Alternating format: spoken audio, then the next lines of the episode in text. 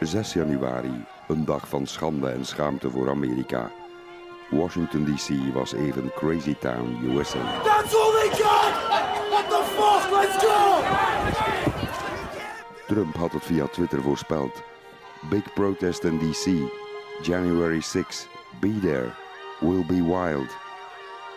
En of het rauw en wild was. De deuren van de Trump-rally openden al om 7 uur s ochtends. Ik stond al mee aan te schuiven kwart over zes. Anders geen persaccreditatie. De rij was lang, zeer lang. Aan de persingang stonden ook gezinnen zonder mondmasker. Onder meer rechtse bloggers uit de Midwest. Iedereen is journalist in deze Trump-tijd. Voor deze mensen is het coronavirus een verzinsel. March to Save America. Veel volk, heel veel volk. Agressieve vrouwen ook, die mijn microfoon gewoon wegsloegen. He did not lose the election. What country are you from? You lost your. You What country are you from? CNN zeker, vroegen ze. Who are you from? CNN? Er leek iets op til. Ik had het al jaren zien broeien, dat verzet tegen alles wat is. De etterende weerstand tegen de bestaande orde. Fuck you, maatschappij. Trump als de roerganger in het verbranden van die orde. Allemaal brandstichters, rechtse anarchisten aan de macht. Together we will drain the Washington swamp and we will clean up the corruption in our nation's capital.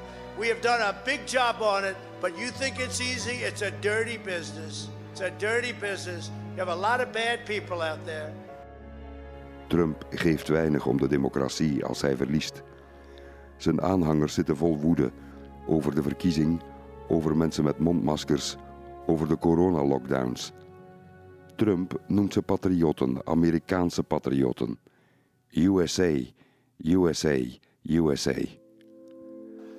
As this enormous crowd shows, we have truth and justice on our side. We have a deep and enduring love for America in our hearts. We love our country. We have it deep in our souls. Alsof alle andere Amerikanen tegen de USA zouden zijn. Maar united zijn ze enkel voor hun eigen soort.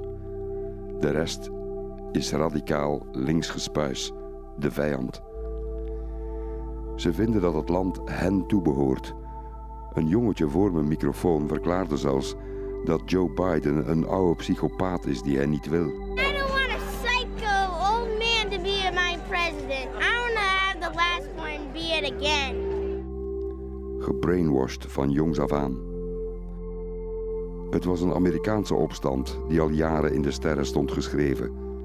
Linkse mensen noemen ze brandstichters, plunderaars, thugs, tuig, rapalje. Zij zijn de patriotten, de hoeders van de natie. We pakken ons land terug. We're here to stand against all the dishonesty of Joe Biden and Kamala Harris. May they rot in hell where they belong. De verkiezing was één grote diefstal. De stemming en de telmachines corrupt. Biden did not win. The computers were rigged. It's going to be reversed eventually. It's about election integrity. De avond voor de rally ging een agent in Wisconsin vrijuit. De man die de zwarte verdachte Jason Blake zeven keer in de rug had geschoten in Kenosha. Zeven keer geschoten, maar niet vervolgd. De politie mag veel in Amerika, zeker tegen mensen van een andere kleur. Later die historische woensdag 6 januari zag ik politiemensen in DC poseren met Trumpisten. Ook de dag na de opstand gebeurde het weer. De schellen vallen mij hier soms van de ogen. Ook enkele agenten die de congresbestormers geen strobreed in de weg legden. Vaak zelf Trump-supporters. Josh Hawley, die zijn vuist opstak. De senator uit Missouri, die de verkiezingsresultaten beschouwt het als een morele plicht om zijn land te redden van de Democraten.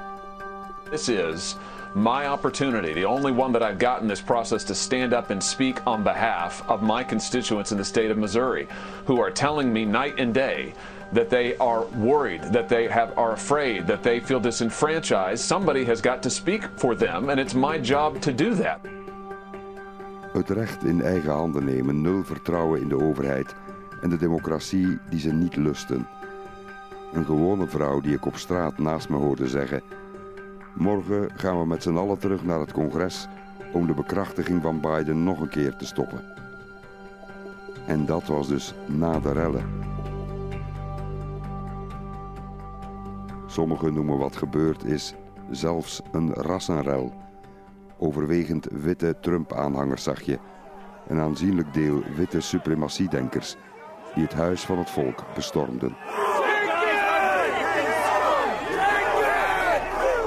Fuck them all. Let's burn down the house. Collectieve zinsverbijstering. Ik stond live te gaan in het 7 uur journaal op televisie toen ze met duizenden richting congres trokken. We zagen ze achter ons al snel door het politiecordon breken.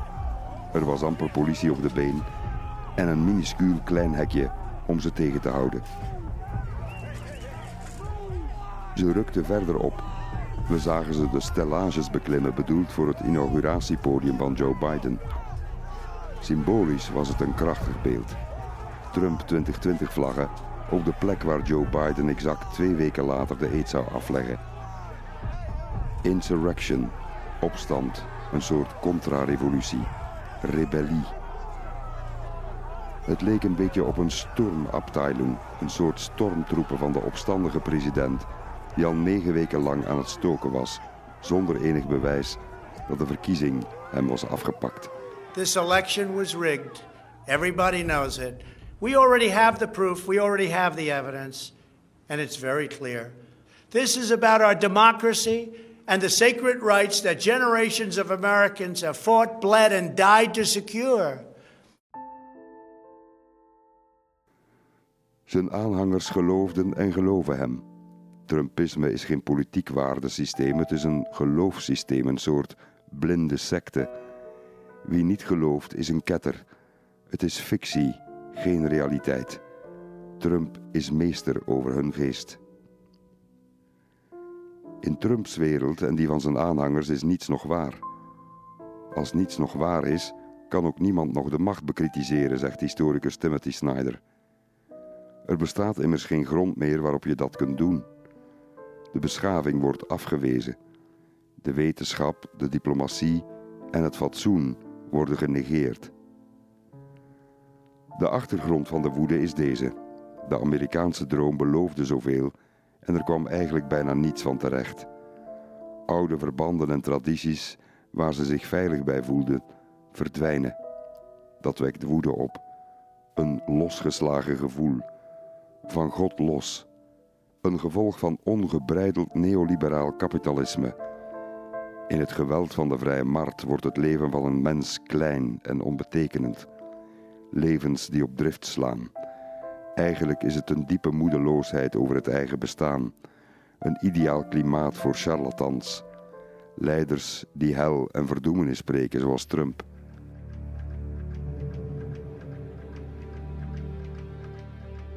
Tegenstanders mogen op de brandstapel worden gegooid. Grote verwachtingen en daarna Boulevard of Broken Dreams. Daarom horen ze niet graag over helden uit de burgeroorlog die eigenlijk regelrechte schurken blijken. Ze vinden het fijner om de patriotische versie van de geschiedenis te eren. De opgepoetste versie, een mythische versie. Een vaderland dat de volle waarheid niet onder ogen wenst te zien. De waarheid is te pijnlijk. Daarom worden utopie en toekomst gezocht in het verleden, omdat het heden te lastig is. We pay tribute to generations of American heroes whose names have etched on our monuments and memorials and in the pages of history and in the hearts of a very grateful people. Ideaal voor een rattenvanger zoals Trump om zijn lied te fluiten. Want als het vertrouwen wegsmelt, is er bij de massa geen houden meer aan. Dan denken mensen wat ze willen en dat spoort niet noodzakelijk met de realiteit. De Trump-aanhang vormt een bange, traditionele en conservatieve wereld. Onwetendheid is vervolgens de motor van angst en agressie. Het is gekrenkte eigenwaarde, een gevoel van uitsluiting. There are but two parties right now: traitors and patriots. Op een rally de dag voor het drama op dinsdagavond 5 januari werd de toon gezet. Een rally om Amerika te redden op Freedom Plaza met Michael Flynn, met Roger Stone en met complotdenker Alex Jones van Infowars. We have only begun to resist the globalists. They have tried to steal this election in front of everyone. I don't know how this is going to end, but if they want to fight, they better believe they've got one. De ene woedende spreker na de andere over de gestolen verkiezing, de complotten, de radicaal linkse democraten en de watjes onder de republikeinen die Trump niet genoeg naar de mond praten. Een regelrechte aanval op de feiten en de realiteit. We've seen the evidence. The system has had to desperately engage in this gambit to maintain control, but this will be their Waterloo. This will be their destruction. Cowboys for Trump bijvoorbeeld. Coney Griffin, een lokale mandataris uit New Mexico, zegt dat de volgende keer bloed uit het kapitool zal stromen. There's going to be blood running out of that building, but at the end of the day, you mark my word, we will plant our flag on the desk of Nancy Pelosi and Chuck Schumer. Flynn zei dinsdagavond 5 januari ook nog: We moeten willen bloeden voor onze vrijheid. We feel freedom. We bleed freedom. And we will sacrifice for freedom. It is not something. Eén dag later voltrok zich het drama.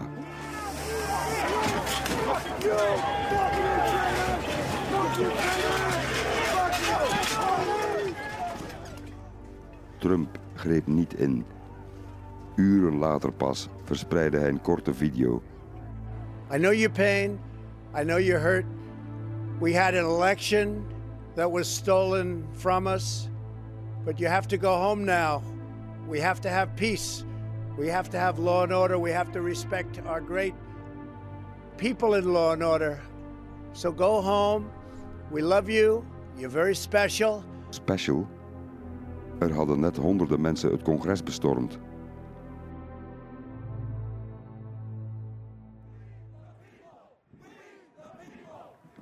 Trump overtuigt de achterban door de leugens vol te houden tot het bittere eind. Om iedereen te doen buigen, de macht van de bully. Onder Trump kreeg je het verlies van geloof in de waarheid. Het ging voortaan om wat als waar wordt aangevoeld. Dat zijn twee zeer verschillende dingen. Helaas, grote leugens werken zeer goed in een tijdperk van ongecontroleerde sociale media en in het hoofd van eenzame geesten. Grote leugens voelen aan als goed gezelschap, ook al weet je dat het leugens zijn. Waarom was de verkiezing voor president wel vals, maar die voor het congres niet? Op hetzelfde stembiljet nog wel. Ook ons kinderverstand begrijpt dat dat nonsens is, maar kennelijk niet als de leugen comfortabel is. Als Trump zou verdwijnen, dan zullen vele van zijn aanhangers zich weer eenzaam en verlaten voelen.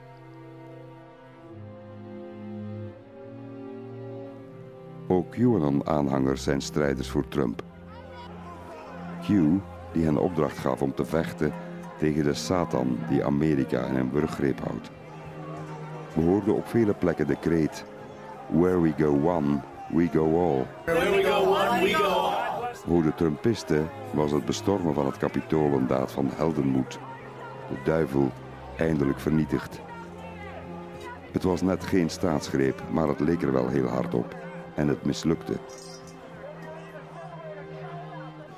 Trump is eigenlijk altijd al een mislukte autocraat en dictator geweest. Hij plant te weinig, hij managt te weinig.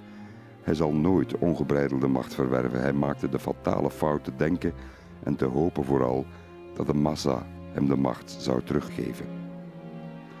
We're gathered together in the heart of our nation's capital for one very, very basic and simple reason to save our democracy.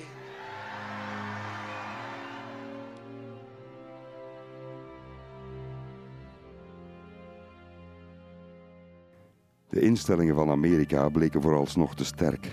Trump heeft ze niet klein gekregen. Tegelijk die bedenking. De fraude in de verkiezing is er, maar ze ligt bij Trump en de Republikeinen, door bijvoorbeeld de zwarte stem te onderdrukken. Het is de wereld op zijn kop. De stroper beschuldigt de boswachter. Trump is een man zonder plan, maar wel gebrand op de volksliefde. Hij houdt van wie van hem houdt. Trump viel door de mand, maar de VS zijn daarom nog niet veilig. Bij lange niet. Al die republikeinse politici die Trump hebben gefaciliteerd, jaren aan een stuk, tot en met Ted Cruz die net voor de bestorming in de Amerikaanse Senaat opriep om de resultaten van de verkiezing te verwerpen. What I would urge of this body is that we appoint an electoral commission to conduct a 10-day emergency audit. Consider the evidence. Een republikeinse wettenmaker uit West Virginia voegde zich bij het rapalje dat het congres bestormde. Hij brak mee door de deuren van het congres, die door dranghekken en stokken en vuisten werd ingebeukt. We are in, schreeuwde hij. We are in. We zijn binnen. Later die dramatische woensdag hervatte het congres de werkzaamheden. In Washington was intussen een avondklok van kracht. The Senate will come to order. Het was een uur of acht. Ik dacht, gelouterd door wat is gebeurd, zullen ze het anders aanpakken. Maar met het omgekeerde resultaat van wat de bestormers wilden. Het omkeren van de uitslag was nu nog kanslozer dan voorheen. Mike Pence sprak. To those who wreaked havoc in our capital today, you did not win. Violence never wins. Freedom wins. And this is still the people's house. Misschien zouden Republikeinen in deze hervatte zitting van het congres denken: het is allemaal te ver gegaan. Waarom blijven we een narcist steunen? Iemand zonder principes behalve het principe van het Trump-belang. Mitch McConnell sprak. We will not be kept out of this chamber by thugs, mobs or threats. Ik dacht, ze stoppen ermee. Het wordt een moment van inkeer en berouw na de hubris, de overmoed, de loutering. James Langford, senator uit Oklahoma, gooide de handdoek in de ring. And we're headed towards tonight, towards the certification of Joe Biden to be the President of the United States. And we will work together in this body to be able to set a peaceful example for the days ahead. De politicus uit het Middenwesten, ooit een baptistische predikant, de man die alles doet om Christus te eren, voelde zich schuldig na de bestorming. Ik ontmoette Langford vorige zomer in Tulsa. Ik interviewde hem toen Trump, ondanks de pandemie, toch de arena probeerde te vullen. Langford komt bezadigd over, zoals ze in Oklahoma zeggen: If you don't like the weather, just wait a minute, because it's about to change.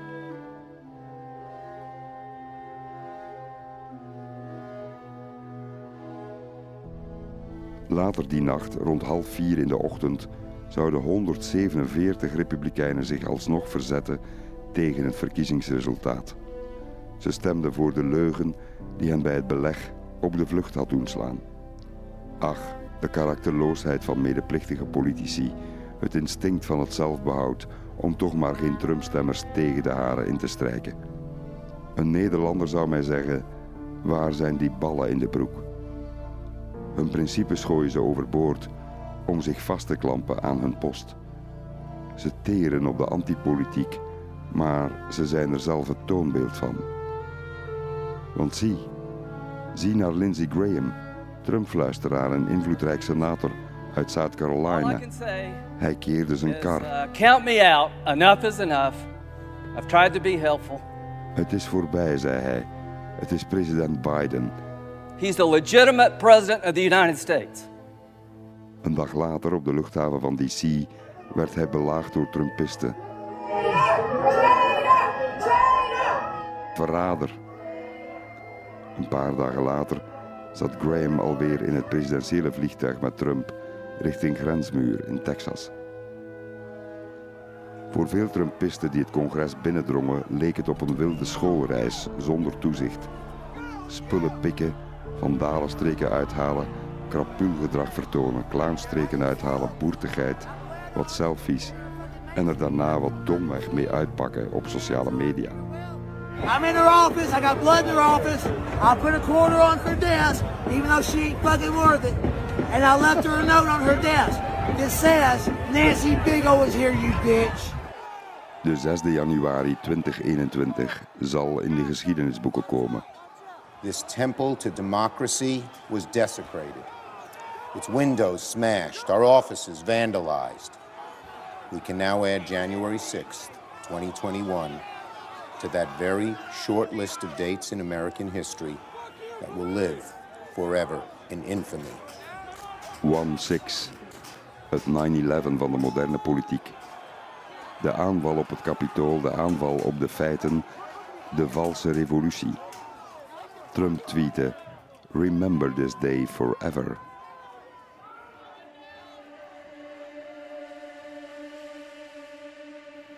Wat we op die 6 januari zagen was de uitbarsting van een jarenlang etterend verrottingsproces in de Republikeinse Partij, ooit de Grand Old Party genoemd. De rottigheid van de conservatieve media zoals Fox, Newsmax, OAM en andere outlets die gewone media de mediamafia noemen. Journalism is dead. They don't care about facts. They don't care about truth. They only care about Democrats winning elections, and even if they have to cheat. Media die mee aanzetten tot geweld en een cultuur en een klimaat creëren van naijver, insinuaties en hatelijkheid. En wat te denken van Trump-fixer Giuliani, ooit de gerespecteerde burgemeester van New York. De haattaal van Rudy Giuliani, dat de fraudeurs naar de gevangenis moeten en dat het tijd is voor gerechtigheid door strijd. Let's have trial by combat. De hypocrisie na de bestorming enkele dagen erna, de opstappende ministers Betsy DeVos en Elaine Chao en Chad Wolf, mensen die jarenlang meededen met Trump en nooit een woord repten over de opruiende taal van Trump, en dan ineens, na de bestorming, zomaar hun morele kompas wonderbaarlijk terugvonden, tot en met de communicatiedirectrice van Donald Trump. Plots waren ze allemaal geschokt, ook de fabrieksdirecteuren, ook de grote donoren en de banken. Misschien gaat Trump na zijn presidentschap wel bankroet. Hoezo geschokt? Hoezo geschokt door de taal van de president? Neem Ted Cruz, hij had het altijd geweten, zei hij. Yesterday, in particular, the president's language and rhetoric crossed a line and it was reckless. Uh, I disagree with it. Uh, and, and I have disagreed with the president's language and rhetoric for the last four years. And, and, and Plots zag Cruz het licht over Donald Trump. Eerst moesten zich dus drama's afspelen in het congres, zoals de dood van Ashley Babbitt tijdens het beleg van het kapitool. En het moment waarop het allemaal begon, de pure en de onversneden woede. Sommigen schreven op hun sociale media 1776, revolutie, oorlog. Verderop op de mall stond er een galg met een grote knoop, de symboliek van de haat. Wie niet met ons is, die knopen we op. Later het verbazingwekkende verslag van ITV-correspondent Robert Moore. We followed the aggrieved and infuriated Trump supporters as they stormed the building. Een ooggetuigenverslag van hoe een woeste meute de nazi's schokte. And so here we are right now inside the halls of Congress. This is exactly what so many anticipated. And yet the Capitol Hill police are doing their best, but failing to control the situation. De meeste indringers waren zelf verbaasd dat ze binnenraakten. The government did this to us. We were normal, good, law abiding citizens, and you guys did this to us. We want our country back. De neerbuigende houding en haat tegenover de politici die ze toonden, de minachting voor de democratie.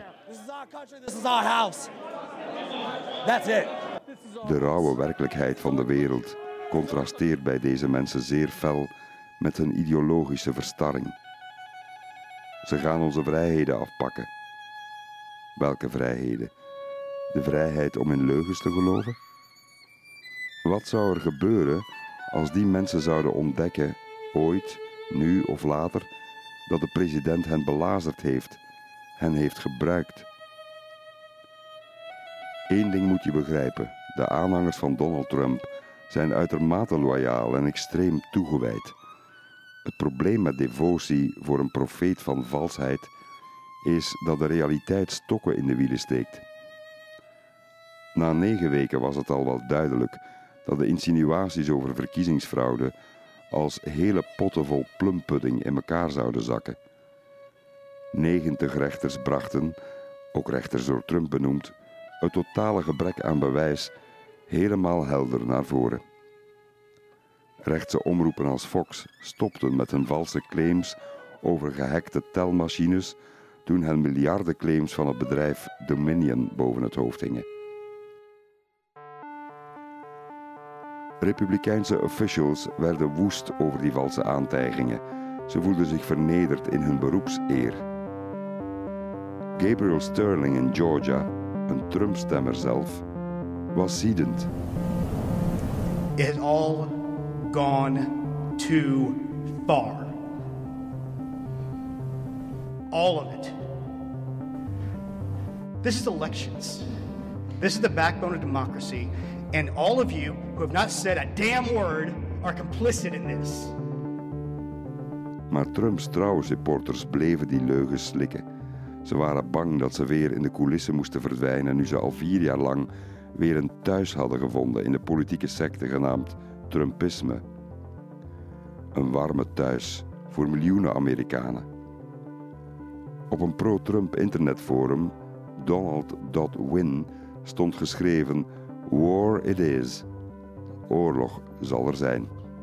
Een gebruiker schreef: We kill now.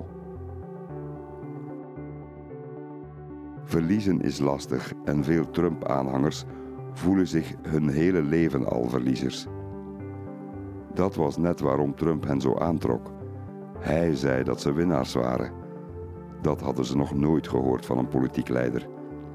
Iedereen beschouwde hen als trailer trash, een soort Amerikaans menselijk afval. Zeker in de Republikeinse partij, die tot aan Trump de partij was van de country club mensen, rijke lieden, à Mitt Romney. Diegenen die zich altijd in het struikgewas verborgen hielden, konden eindelijk uit hun hol kruipen. De fuck you boys. De ruwe, ongeschoolde blanke mannen en vrouwen. Ik zag ze terug in Washington.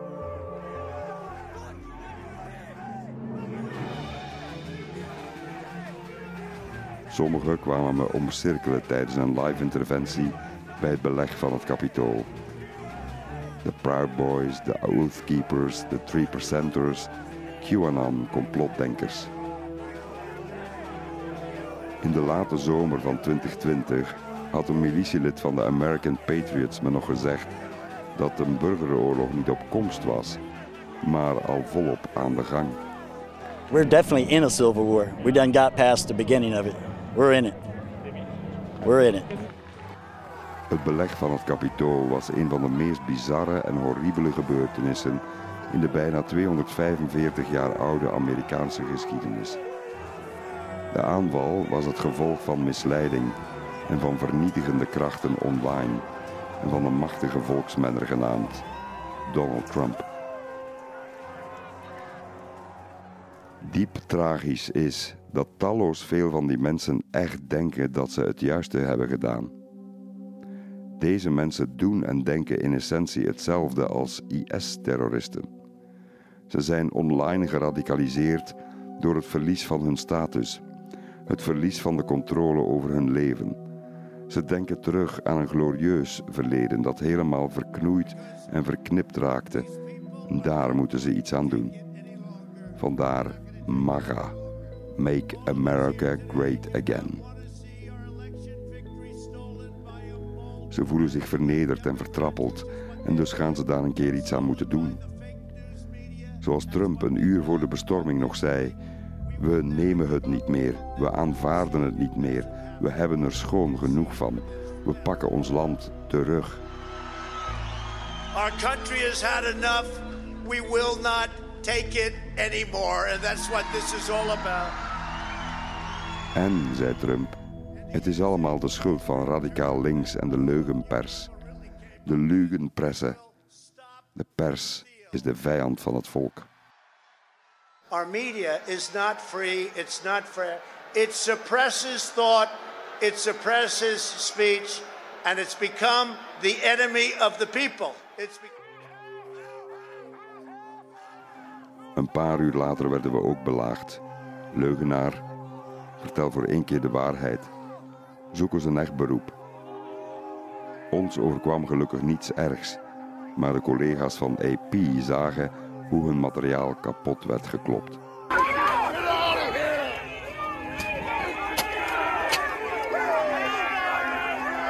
Op een ingebeukte congresdeur stond geschreven: Murder the media.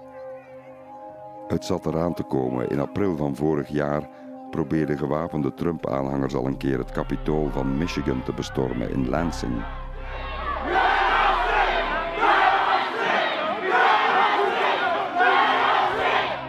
Wie had hen aangemoedigd online?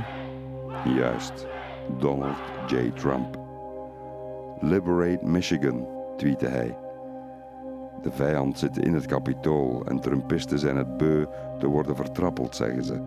Don't tread on me, staat altijd op hun spandoeken te lezen. Vertrappel mij niet. Dat corona al ruim 400.000 doden heeft gemaakt, ze geloven het niet. In april 2020 geloofden ze het ook al niet, bleek uit interviews die ik met ze maakte aan een gym. I believe it's a big conspiracy. I believe it's a push to, for a new world order to take over. This isn't public health. This is about control and suppression. De avond na de bestorming, in mijn hotel, zaten ze half dronken in de lobby whisky te zuipen. Ze keken naar mijn cameraman Daan en ik, beide met mondkapje. Zie daar, de maskies, zeiden ze, de gemaskerde mannetjes. Wat een onzin, zei er een. Het virus wil ons onder de knoet houden, beseft u dat niet? Er vallen niet eens meer doden dan bij een griepje. En ze bleven het zeggen, ook al zijn er tegen de lente bijna een half miljoen coronadoden in de VS.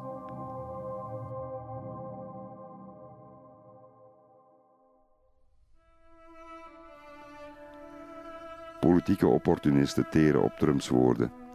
Josh Hawley is er zo één. Trumpisten als Hawley draaien alles om.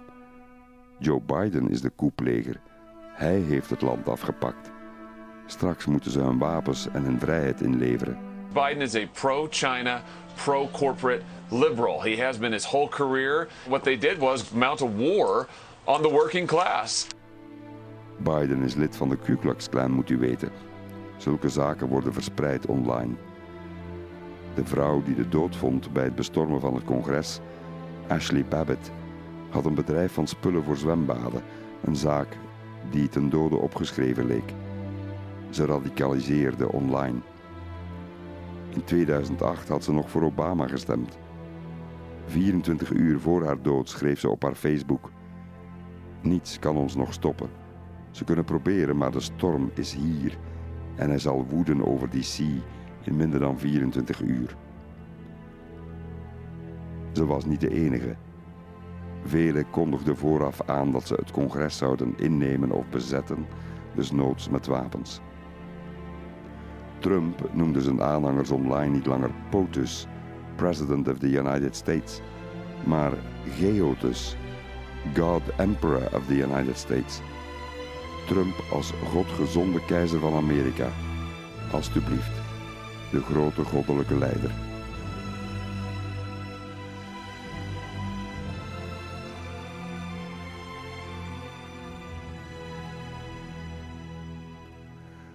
Hoeveel rallies van Donald Trump ben ik niet geweest of van Trump-kandidaten?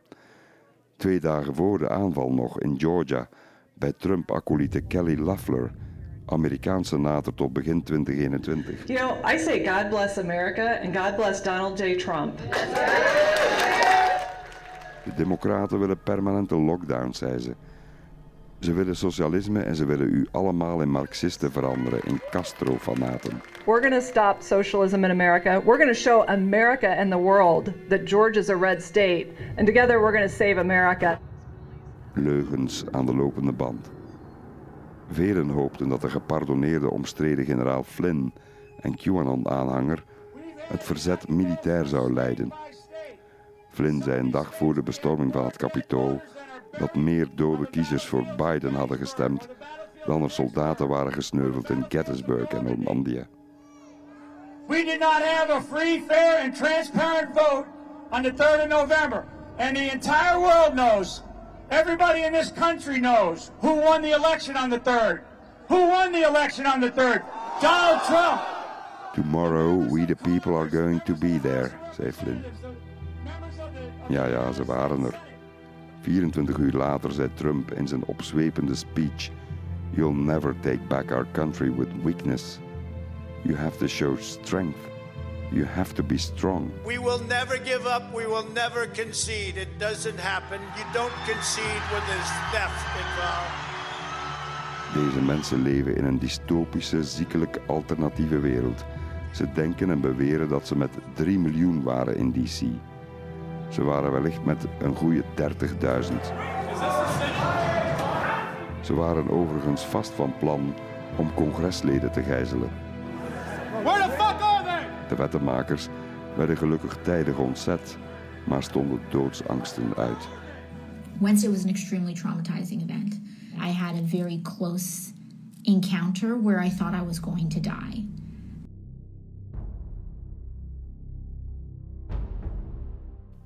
Het rapalje plunderde, verwoestte, sloeg ramen aan diggelen, beukte op deuren en ze stalen spullen uit kantoren. De partij van Law and Order nota bene. De partij die het mythische onbestaande verleden verheerlijkt en op die manier eigenlijk de samenleving bevriest. De dag erna sprak ik met Trump-aanhangers die erbij waren.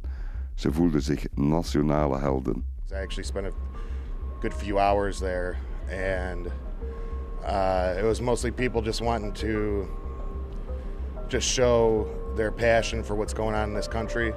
That's what it was all about. It was about defending our country and our Constitution. Thomas Friedman, columnist van de New York Times, noemt deze mensen gemarineerd in leugens. Ze verzonnen meteen weer nieuwe leugens. Zij waren niet de geweldenaars geweest. Het waren linkse rakkers van Antifa die in hun rangen waren geïnfiltreerd. Want nee, zo zijn zij niet. Zij zijn proper en braaf. There was Antifa there that infiltrated us MAGA people. So it wasn't us. We are a peaceful crowd. We love each other. Ze lachten hier en daar ook met zichzelf. Hey, we're domestic terrorists.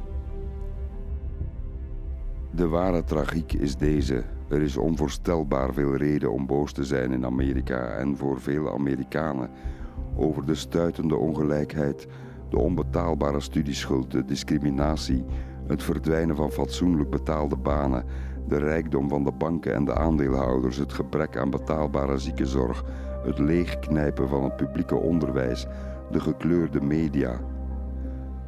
Maar hun woede wordt door populisten gericht tegen de culturele elite, zegt ook Thomas Frank, de auteur van The People Know, A Brief History of Anti-Populism.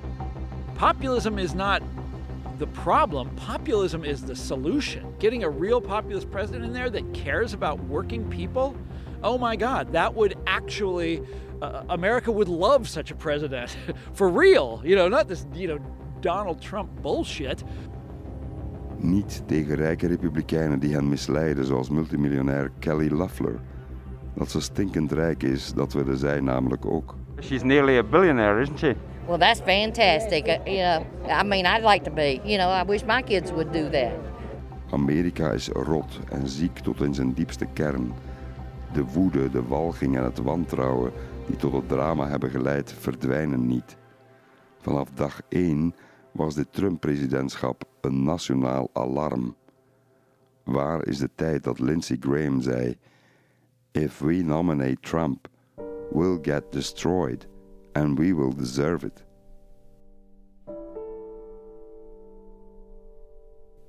Ze hebben het geweten. Trump leidde hen naar haat tegen de immigranten, naar liefde voor de muur, naar loze beloften over de terugkeer van fabrieksbanen. De woede in Amerika is gerechtvaardigd, maar ze is gericht tegen valse vijanden. Dat is de tragiek van het beleg van het kapitool. De Republikeinse Partij is blij dat Trump de arbeidende klasse afpakte van de Democraten, maar doet eigenlijk niets voor ze. Daarom blijft de Republikeinse Partij oorverdovend stil. Trump zorgde ervoor dat de hele agenda waar ze ooit van hadden gedroomd werd uitgevoerd. Massa's conservatieve rechters benoemd, actie tegen abortus, actie tegen immigratie, belastingverlaging voor de rijken, massa's subsidies voor de boeren. Dat blijft de macht van Trump. De basis is van hem, niet van hen. Neem zijn waanzin weg en de Republikeinse Partij is oppermachtig. Het dilemma kan beginnen. Quo vadis grand old party. We'll gather at the brokenness, breathe to me now. The fragrance of those promises you never dared to vow. Het contrast dat ik met eigen ogen zag tussen de aanpak van Black Lives Matter betogers die in augustus uit elkaar werden geklopt met wapenstokken en traangas en laag overvliegende Black Hawk helikopters met nationale gardisten in oorlogstenu tegenover de aanpak met fluwelen handschoen van de Trump-supporters. Agenten die zelfs ruilschoppers rustig binnenlieten in het kapitool. In Amerika is iedereen gelijk, maar sommigen meer dan de anderen. Behold the gates of mercy arbitrary space, and none of us deserving the cruelty or the grace. Oh, solitude of longing, where love has been confined, come healing of the body, come healing of the mind. Oh, see the darkness yielding that tore the light